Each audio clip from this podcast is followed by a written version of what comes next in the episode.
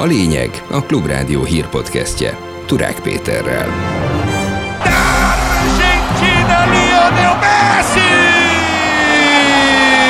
Vasárnap a Messi vezette argentin válogatott diadalával befejeződött a foci VB, amely a végeredmény tekintve nem hozott meglepetést, a finálé pedig igazi reklámja volt a sportágnak. Szerintem ez a döntő bizonyította be azt, hogy ha bárki is kételkedett benne, hogy miért a labdarúgás a legcsodálatosabb sport a világon, ebben a döntőben minden benne volt szerintem. Se Varga Mihály pénzügyminiszter, se a Fidesz képviselői nem mentek el a Parlament Költségvetési Bizottságának összehívott ülésére. Legfontosabb törvénye az országnak az mindig a jövő költségvetés. Kételkedik a PDS, hogy lesz-e uniós forrás tovább emelni a tanári béreket. Egyelőre csak a nyáron megígért 10%-ot kapták meg a tanárok. Trükköd hogy hát ha akkor ez így tűnik. A hét első napjaiban marad a hideg felhős idő, szerdától viszont felmelegedés várható, így kevés az esélye a fehér karácsonynak.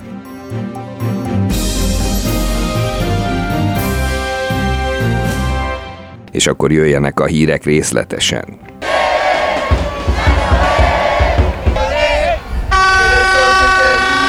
Ez egy igazi fiesta hangjai. Így ünnepelte Buenos Aires Argentina győzelmét a Katari foci VB-n. A dél-amerikaiak ugyebár vasárnap hosszabbítás és 3-3 után 11-esekkel felülmúlták a címvédő franciákat. Ez a döntő bebizonyította, hogy miért a labdarúgás a legcsodálatosabb sport a világon, mert ebben a döntőben minden benne volt. Így értékelték a történteket a Klubrádió hosszabbítás című műsorának műsorvezetői. Rév Dániel szerint nem meglepetés, hogy melyik két csapat játszotta végül a döntőt. Az, hogy az argentinok ott vannak az esélyesek között, az mindig is egy ilyen alapértelmezés volt. Tavaly megnyerték a dél-amerikai bajnokságot, a Copa Amerikát, idén játszottak az EB győztes olaszokkal egy szuperkupa jellegű meccset, amit szintén megnyertek. Ami félrevitte szerintem teljesen a gondolatokat, az az volt, hogy az első meccsükön kikaptak Szaudarábiától 2-1-re, de ott, hogyha nincs var, akkor szerintem 3 0 biztos vezettek volna a szünetben, mert volt két olyan lesgójuk, ami ilyen 4 cent is les volt. És onnantól kezdve, hogy a szaudiaktól kikaptak, ők ugye abszolút lépéskényszerben járták végig a tornát, mert a következő két csoportmeccsük is a kieséssel fenyegetett. Míg a franciák az első sima győzelmükkel, és aztán a dánok legyőzésével a harmadik csoportmecstől függetlenül már tovább jutott, csoportelsők voltak. De szerintem egyébként, hogyha a torna előtt azt mondja valaki, hogy Argentina a Franciaország döntő lesz, azon nem lepődött volna meg senki olyan nagyon. A világbajnokságon győztes argentin válogatott egyébként 42 millió dollárt is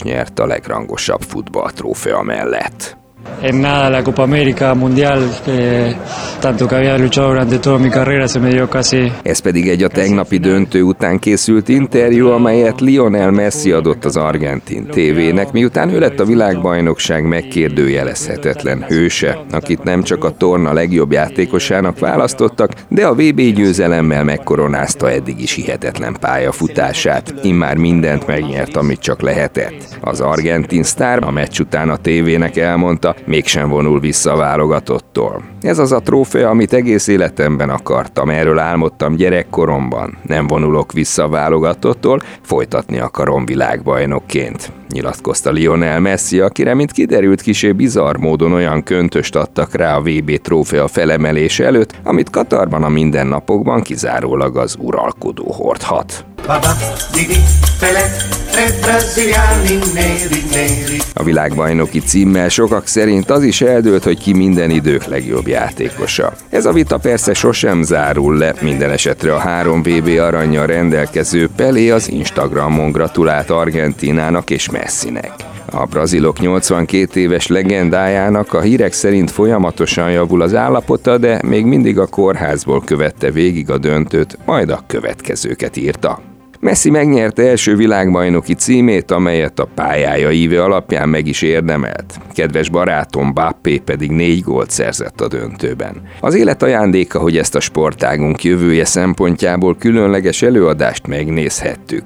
Nagy hiba lenne, ha nem gratulálnék Marokkónak is a hihetetlen szereplésért. Nagyszerű volt látni Afrika csillogását. És gratulálok Argentina, Diego Maradona most biztosan mosolyog írta tehát érzelmes posztjában Pelé.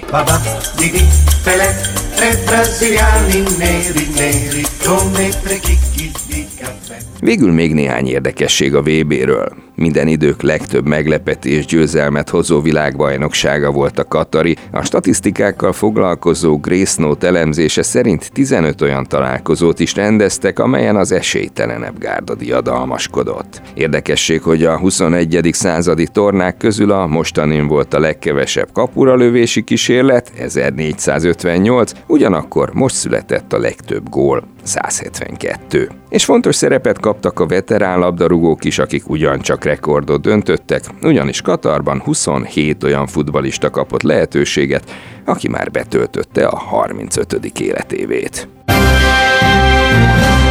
Ez a lényeg a Klubrádió hírpodcastje.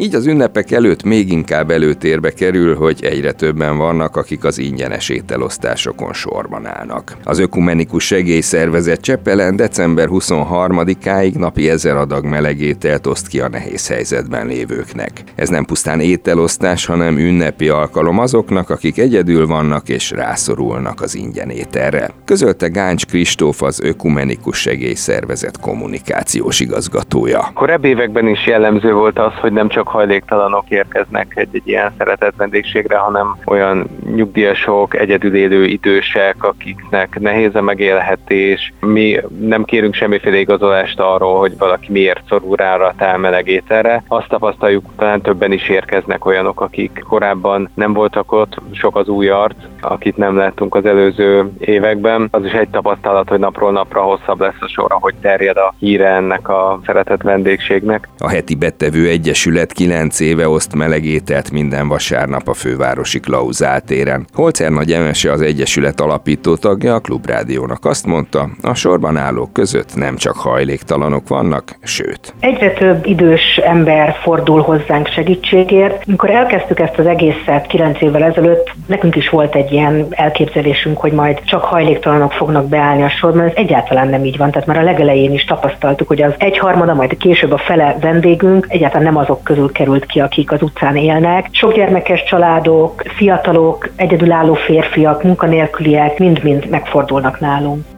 Se Varga Mihály pénzügyminiszter, se a Fidesz képviselői nem mentek el a Parlament Költségvetési Bizottságának összehívott ülésére, számolt be róla a testület MSZP-s elnöke. Vajda Zoltán emlékeztetett rá, hogy a kormány gyakorlatilag új költségvetést alkot a jövő évre rendeleti úton az országgyűlés teljes kihagyásával. Az éves költségvetés még a Kádár korszak ideje alatt is az országgyűlés bevonásával került meghatározásra, de a Fidesz még ezt az alapvető hagyományt is felrúgja hangsúlyozta Vajda Zoltán. Az ülést azért hívtam össze, és meghívtam a Varga Mihály pénzügyminiszter urat, hogy adjon egy tájékoztást arról a folyamatról, hogy ők rendeleti úton a parlamentet kikerülve, ők úgy megyek, hogy módosítják a jövő évi költségvetést. Hát valójában ez egy új költségvetés, amit alkotnak, hiszen az alap főszámai teljesen mások. Ők megteremtették a módját annak, hogy rendeleti úton alkossanak új költségvetést. Szögezzük le, hogy nem a kormánynak a belügye a költségvetés. Ez minden magyar embert, a hazánkat érinti, Nekem meggyőződésem, hogy a legfontosabb törvénye az országnak az mindig a jövő évi költségvetés. Kormányválságkezelése az elmúlt hat hónapban nem találta meg a kulcsokat. Hibás volt. Ezt mondta Matolcsi György egybank elnök két hete. Egy kialakuló kormányválság tanúi vagyunk, ennek jele a Magyar Nemzeti Bank és a kormány vitája. Ezt pedig ma Varjú László mondta a Demokratikus Koalíció alelnöke. Orbán Viktor elvesztette az irányítást a magyar gazdaság felett, most már csak az a kérdés, hogy ki fogja vállalni ezért a felelősséget, tette hozzá az országgyűlési képviselő. A Magyar Nemzeti Bank igazgatója arról tett közé egy elemzést, hogy a kormány intézkedései a felelősek a rekordmagas inflációért. Maga a jegybank állítja tehát azt, hogy nem a háború, nem a szankciók a felelősek az inflációért, hanem Orbán Viktor. Nem vagyunk hozzászokva ahhoz, hogy a jegybank lerántja a leplet a miniszter miniszterelnök hazugságairól, úgy tűnik, hogy egy kialakuló kormányválságnak vagyunk a tanúi. Ez a lényeg a Klubrádió hírpodcastje. Az ügyfeleknek és a dolgozóknak is komoly gondot okozhat, hogy a magas energiaárak miatt december 22-e és január 6-a között igazgatási szünet lesz, azaz zárva lesz a legtöbb kormányablak és kormányhivatal. Ezt mondta a Magyar Köztisztviselők és Közalkalmazottak Szakszervezetének elnöke. Boros Péterné szerint előfordulhat, hogy az ügyintézéshez sokat kell majd utazni, a tisztviselőknek pedig kötelező szabadságot kell kivenniük. Ilyenre egyébként még nem volt példa, hogy a közigazgatás súlyos krízis helyzetben nem működjön mindenhol az országban, mert azt azért mindenki tudja, hogy nincs pénzük az ügyfeleknek utazgatásra, és hát az a 60 hely, amely működni fog, az egyértelműen nem fedi le az országot területi közigazgatás kormánytisztviselői. Amennyiben nem volt erre az évre maradék szabadságuk, akkor a jövő évi szabadságuk már le van erre foglalva. Az ügyfelek is meg fogják ennek a hátrányát érezni, sorokként fognak állni a kormányablakok előtt. Szabadország, szabad oktatás!